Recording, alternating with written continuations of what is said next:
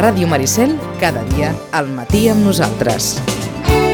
9 i 54 minuts, mira, ric, perquè no sé si Vilanova fa bon temps, o molt bon temps, perquè, perquè és clar, diu l'Albert, mira, mira la màniga curta, va.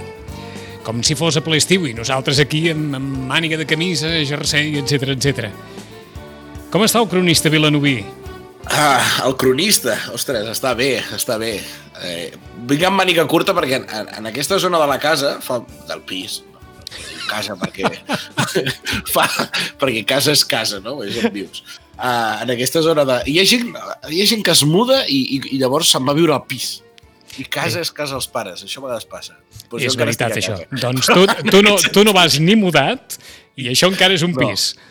No, però aquí fa normalment molt de fred. I ha estat una estona, jo porto per casa un batín. Ara no desvallaré Mare, 20 mare, minuts. el que, el que, Vaja, un el que, el que em batín faltava... fa, Veus, eh? com, com els rics, com els rics com, d'abans. com el ric, correcte, i repentinat enrere. Ui, ui, ui, prou, prou. I, I ara feia molta estona que el portava ja i estic bé i ara em vaig amb màniga curta. Bé, avui ens proposa, ens proposa en, en Xachi una, una juguesca eh, que la complementarem a través de, la, de les imatges al nostre web quan, quan publiquem la, la secció, perquè la juguesca d'avui té relació amb quatre quadres, quatre quadres, que Quatre fan quadres. referència a quatre moments de festa, de festes al, al Garraf. Són la processó de Sant Bartomeu d'en Felip Masó, la processó de Corpus de l'Arcadi Mas i Fondavila, les comparses de Vilanova d'en Joaquim Mir i el drac de l'Enric Cristòfor Ricard.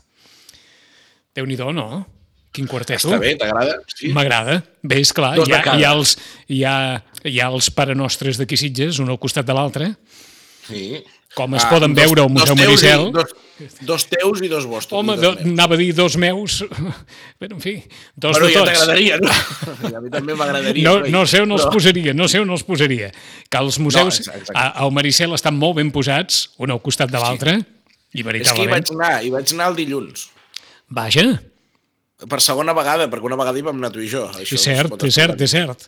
És cert. I, i, I vaig pensar que, mira, en podríem parlar, perquè més enllà de, del, del que sap tothom d'aquests quadres o de la vida del Felip Masó o de l'Arcadi Mas i Fondavila i tal, hi ha algunes curiositats que si t'hi estàs una estona mirant el quadre es veuen.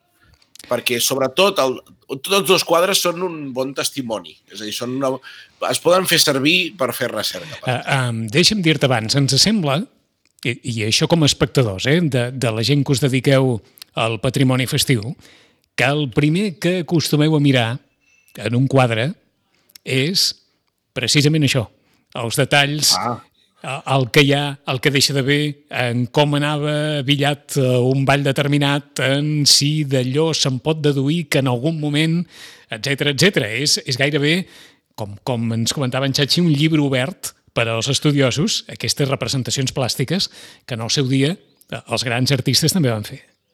Sí, em- jo és el primer que vaig fer, anar a veure com anava vestit el Ball de Bastons una altra vegada, fixar-me en els gegants, fixar-me en els músics, ara us explicarem alguna curiositat, i de música va el tema. Jo us he proposat dos temes que poden Sí. anar lligats, el, el, el primer tema amb els dos quadres de Sitges i el segon tema amb els dos quadres de Vilanova. I direu, i per què el drac també? Ho descobrirem al final de tot. Sense voler-los ordenat, de manera, eh, ara me, me n'he donat, de manera eh, cronològica. O sigui que vols que comencem per Sitges, eh? Sí, els dos Sí? de Sitges primer. Doncs vinga.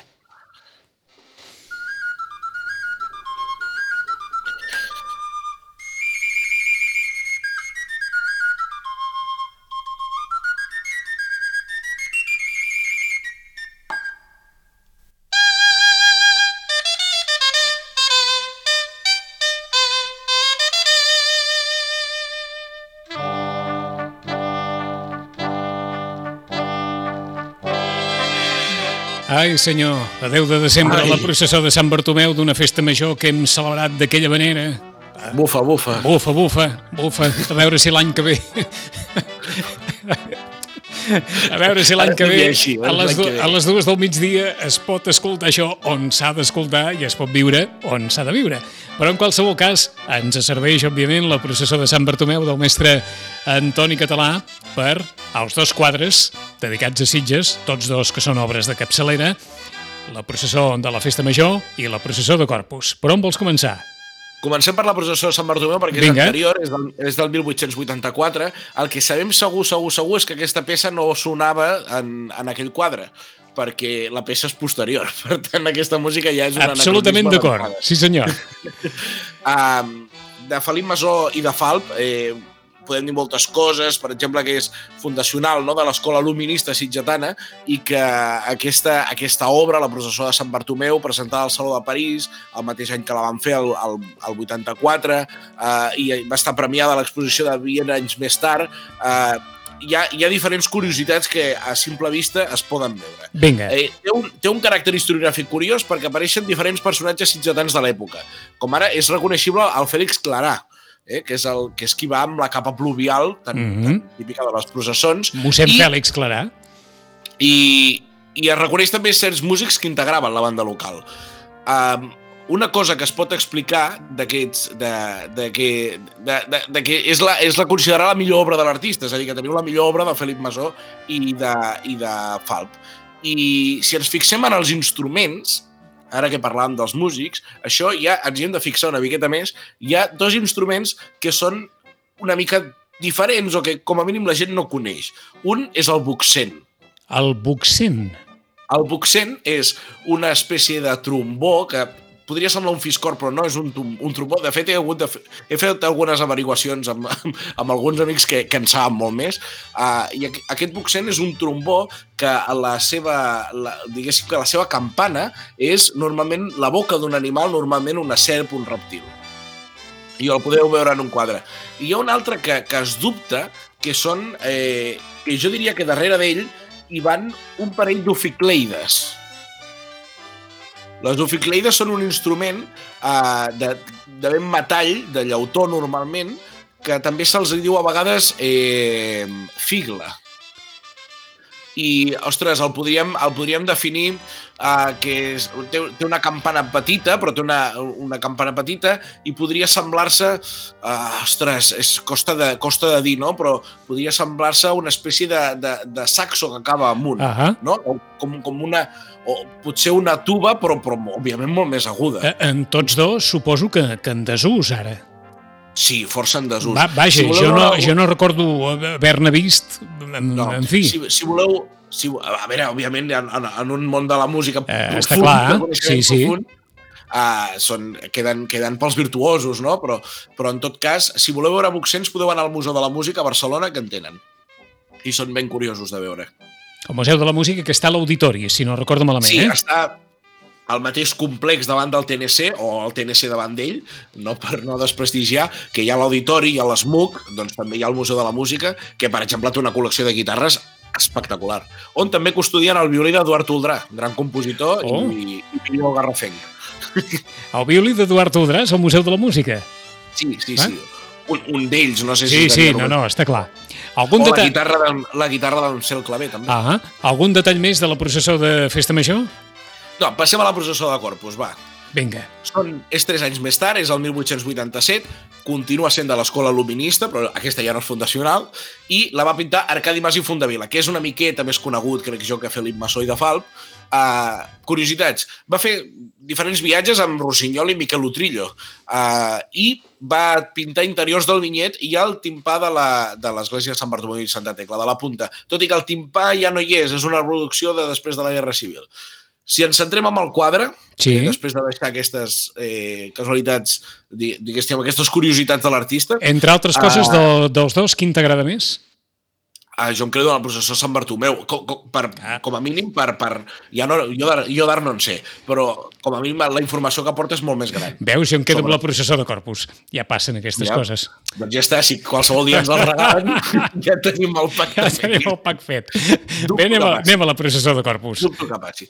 Uh, M'he fixat també amb els músics. Hi ha una escena curiosa i és que el que porta el bombo el deixa en terra i toca el violí. És a dir, aquest músic eh, polifacètic, Cètic. poliinstrumental, no? Uh, I a més el bombo el fa servir per aguantar la partitura. És un detall molt bonic. Um, llavors és el moment de l'aturada de la processó de Corpus en un altar, no? com podria ser ara quan passa pel cap de la vila. No? Uh, es veuen les flors a terra, jo crec que són clavells, eh? és a dir, 1887, catifes, les flors ja han estat, diguéssim, no, no, no, no, tenen, no, no tenen cap composició, diguéssim, de dibuix, per tant, mm -hmm. no sé si és que perquè ja hi ha passat la processó o, o no es feien catifes en el sentit eh, més ornamental de dibuix, de disseny. Sí, com sigui en aquell uh, moment de concurs de catifes, no, eh? perquè mm. no va ser fins ben entrat al segle XX, fins als 40 de, del segle XX, que va començar oficialment el concurs de catifes, la qual cosa no vol dir que es poguessin fer ornaments o dibuixos o sí, és, algunes és figures a, a terra. Eh? És molt clàssic que quan la processó va en detriment, l'auge és del el tema ornamentístic ah, floral. Eh? Um, i és el moment que la custòdia està sobre l'altar, hi ha els que porten... M'encanta la cara dels que porten el tàlam i fixeu-vos que tothom està genollat i hi ha un detall molt bonic, diria que és a la cantonada esquerra inferior, que hi ha un infant que està agenollat de la mateixa manera que tothom, però està passant de tot perquè està jugant amb les flors. I és un detall molt bonic. Un detall dit... que, no té, que no té època, que és atemporal, eh? Perquè de, no. la canalla jugant amb les flors, eh, m'entens, vagin avillats, vagin acompanyant a un mossèn o no, en qualsevol cas la canalla sempre ha jugat, sempre hem jugat amb les flors em sorprendria que, em sorprendria que l'Arcadi Mas i Fundavila eh, tingués la pretensió de la metàfora que he interpretat jo, però eh, s'ha de dir que la processó de Corpus el que va aconseguir durant diverses dècades és apropar el missatge moralitzador de l'Església a la classe més popular a través d'una processó al carrer. Com diuen a vegades a Sevilla, durant la Setmana Santa, quien no sepa re rezar en la iglesia, que aprenda a rezar por las calles. I era una miqueta això.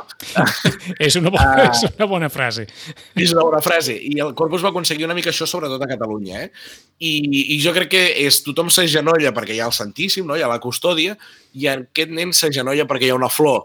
És a dir, cadascú s'agenolla pels seus motius. Jo no crec que l'Arcadi Mas i Fondavila pretengués això, però a mi m'ha semblat que seria una bona metàfora ah per explicar el corpus. Anem a Vilanova? Vinga, anem a Vilanova. Va.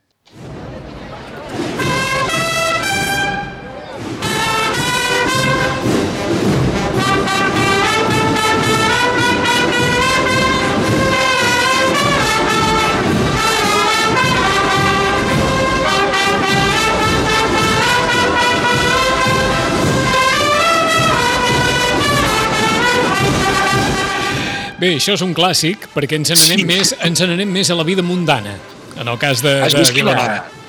Has sentit quina versió més tronada? De, de, sí, però, però tronada, però, com, com ho diré, re, respira tant d'ambient que, que fa bonic d'escoltar, eh? Quina, quina versió és? Què és això? Ojo, això és una gravació en directe agafada de YouTube de uh, l'agrupació musical Virgen de los Reyes de Sevilla. Tornem, sempre anem a Sevilla. Uh, perquè, com tothom sap, el Turut és una marxa processional i és una, perdó, és una marxa militar i que es pot fer servir per processionar i, i un dia ja vam parlar aquí d'aquestes connexions a vegades de musicals arreu del món i vam sentir com un pas de Setmana Santa sí, sí, sí. s'acompanyava la Santa Espina, oi? M'acaben d'escriure un text d'aquells que t'agradarà Ai. Jo no diré qui l'ha escrit, eh? Soc sitgetana, però el Turut em posa pell de gallina. Ai. Ai. Oh. Bueno, perquè aquí també l'havíeu gastat. Aquí també l'havíem gastat, sí. Sí, sí, com a, com a, vaja, com a ambientació de carrer fins i tot, eh? En època d'aquells megàfons que es penjaven dels balcons. Bé, en fi, escolta'm, em vaig acabar del Turuta fins al... Crec que en, crec que mai he sentit el mateix Pol Turuta des d'aquells carnavals en què l'escoltaven totes les hores del dia per la megafonia del carrer. Bé, és igual. Tancat és com això. quan una música de despertador que ah, Exacte, per exemple. Uh, vet aquí un quadre Eh, en aquest cas ens l'has d'explicar de, una mica perquè els oients el podran veure eh, al nostre web, però no el tenim, probablement no tenim tant aquests, aquests quadres eh, vilanovins al cap o del drac, com comentàvem, o de les comparses de, de Vilanova. Vinga.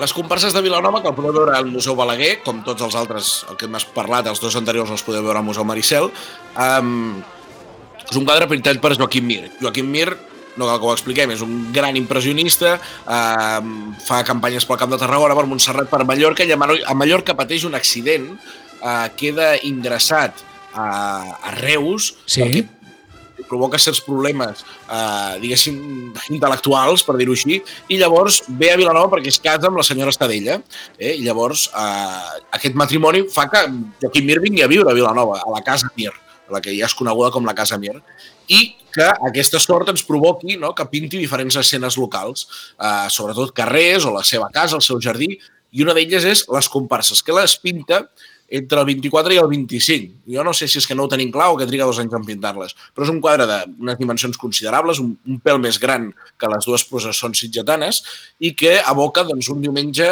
de comparses, no, un dimarts, perquè abans les comparses eren en dimarts, abans de la Guerra Civil, un dimarts la plaça de les Cols, eh, perquè les, al final de les comparses feia la plaça de les Cols i no la plaça de la Vila, i eh, pinta l'escena típica, el, el, el que diríem en un argot audiovisual, el pla general d'aquestes comparses a la plaça de les Cols. S'ha dit que en Joaquim Mir va pintar diferents quadres sobre les comparses, la majoria d'ells en mans ara mm, particulars.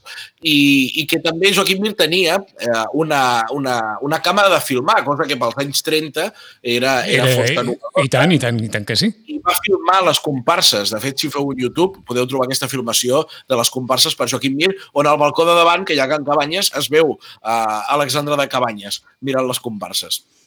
Eh, aquest quadre ha patit alguns, algunes, algunes, alguns processos de conservació i de restauració que potser l'han fet eh, envellir malament d'alguna manera.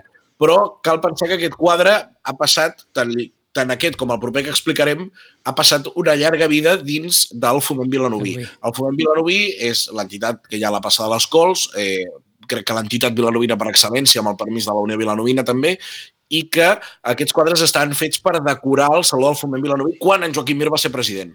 Uh, va liar els seus amics artistes, entre ells, doncs, per exemple, l'Enric Cristòfol Ricard, que, que explicarem del proper quadre, o l'Alexandre de Cabanyes mateix, per pintar diferents escenes de la comarca. I una d'elles va ser aquestes comparses de Vilanova, total que aquest quadre han estat tragant fum de puro durant força temps. I, en, i va haver un moment doncs, que el foment eh, va dipositar aquests quadres i els va donar a l'Ajuntament la, perquè el Foment també necessitava d'alguna manera ajuda i ara estan, es poden veure al Museu Balaguer i estan tots junts, per tant no han, no han perdut la composició original d'aquesta connexió, col·lecció del Cafè Foment. Ah, anem pel drac de l'Enric Cristòfol Ricard? Correcte. L'Enric Cristòfol Ricard és un noucentista, és l'únic noucentista de tots els que hem explicat, eh, i, i que té una gran habilitat pel gravat al boix. L'Enric Cristòfol Ricard és un personatge sumament interessant. Per mi, potser és el personatge de Vilanova més interessant de tots, per un gust personal. Eh? Pinta aquesta escena l'any 26 i és una escena on es veu el drac i dos diables però jo n'estic gairebé segur que és una escena de carnaval i no de festa major, perquè el drac i els diables sortien a l'arribo com continuen sortint avui en dia. I a més, els diables no porten el traje pintat, ni hi ha Lucifer ni diablesa, sinó que són diables rasos, que són, són borrons, diables de, de, a títol individual que sortien, que sortien a l'arribo. Atura't un moment aquí, atura't un moment aquí. Borrons? Els borrons són els diables que no tenen càrrec. És a dir... El, Mira, ja, ja, el, puc anar, ja puc anar a dormir avui. Els borrons són els diables que no tenen, que no tenen càrrec. Eh, hi ha el Lucifer, la Diablesa, sí, no? Sí, sí, sí. Llavors, a, a vegades hi ha l'Alferes, que és com el, el, primer, el primer violí, el primer violí del Vell de Diables, i després hi ha els pecats capitals, però a vegades quan no hi ha pecats capitals, els diables, els soldats rasos, són els borrons. Els borrons, d'acord. Queda dit. Tornem uh, al quadre. Tornem al quadre. Es veuen aquests dos diables, un d'ells fa pam i pipa, és el propi Ricard, segurament. Mm. El que fa pam i pipa és una, un autorretrat, perquè al Ricard li agrada molt, i a més hi ha el drac. Um, aquest drac es va perdre l'any 36, és el drac de Vilanova, es va perdre el 36 amb l'esclat de la guerra, es va quedar a Barcelona perquè estava per participar a l'Olimpiada Popular, i uh, aquests diables, hi ha una família vilanovina que conserva un tratge igual que aquests, una arlequina taronja tots, molt interessant. Què podem dir? Um, el Ricard t'hauria recordar aquests diables de petit, perquè eh, els diables de Vilanova durant els principis del segle XX no hi eren, els diables locals, el ball de diables en conjunt. Per tant, eren uns diables que recordava de petit segurament d'aquests carnavals. I, i llavors eh, aquest quadre doncs, és, és, un, és gairebé un cartell.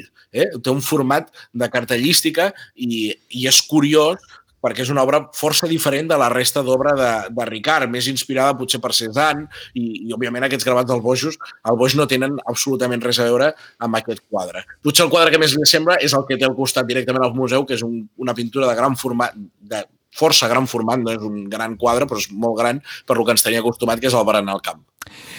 10 i 13 minuts, gairebé 10 i 14. Bon temps aquestes festes també per anar als museus. Sí, aneu-hi, home. I per tant, de, si algú vol trobar una bona excusa, aquí us deixem aquests quatre quadres, que podreu veure també en el nostre web, la processó de Sant Bartomeu, la processó de Corpus, les danses de Vilanova i aquesta... Les comparses. Les Les comparses, comparses, perdó, perdó, perdó. Perdó, perdó, perdó, perdó. Les comparses de Vilanova i, com ens comentava en Xachi, el quadre d'en- d'Enric Cristòfor Ricard, dedicat al drac. Bones festes! Igualment, ja no ens veiem fins passat festes? Sí, en, Doncs, i, jo només puc desitjar que, que ens puguem veure de, de debò. Però, però, sí, però, sí, home, sí. però en principi, fins passat festes, que Vilanova tingui un bon Nadal i uns bons Reis, I Sitges també. que sí. Que, que els teniu d'allò amb, amb, com mig confinats, amb, amb cita prèvia i tot això? Els Reis, tenim el Sí. cartell Eliseu amb cita prèvia i els Reis arriben per la televisió. Mm. Però i serà, després- de, estaran, seran presents en algun lloc o no? O només... Uh, no ho sé, no ho sé. No ho sé. Els mags no ho sé, el- el- el- l'altre no, perquè està en paradís de no sé on. L'altre no, diu. L'altre segur que no. l'altre no, Deien l'altre que volia tornar i Sí. sí. son fill li ha dit que no. Li he dit que no. Això ja no ho sabia no. del seu fill, però, però volia tornar per Reis perquè és el seu aniversari.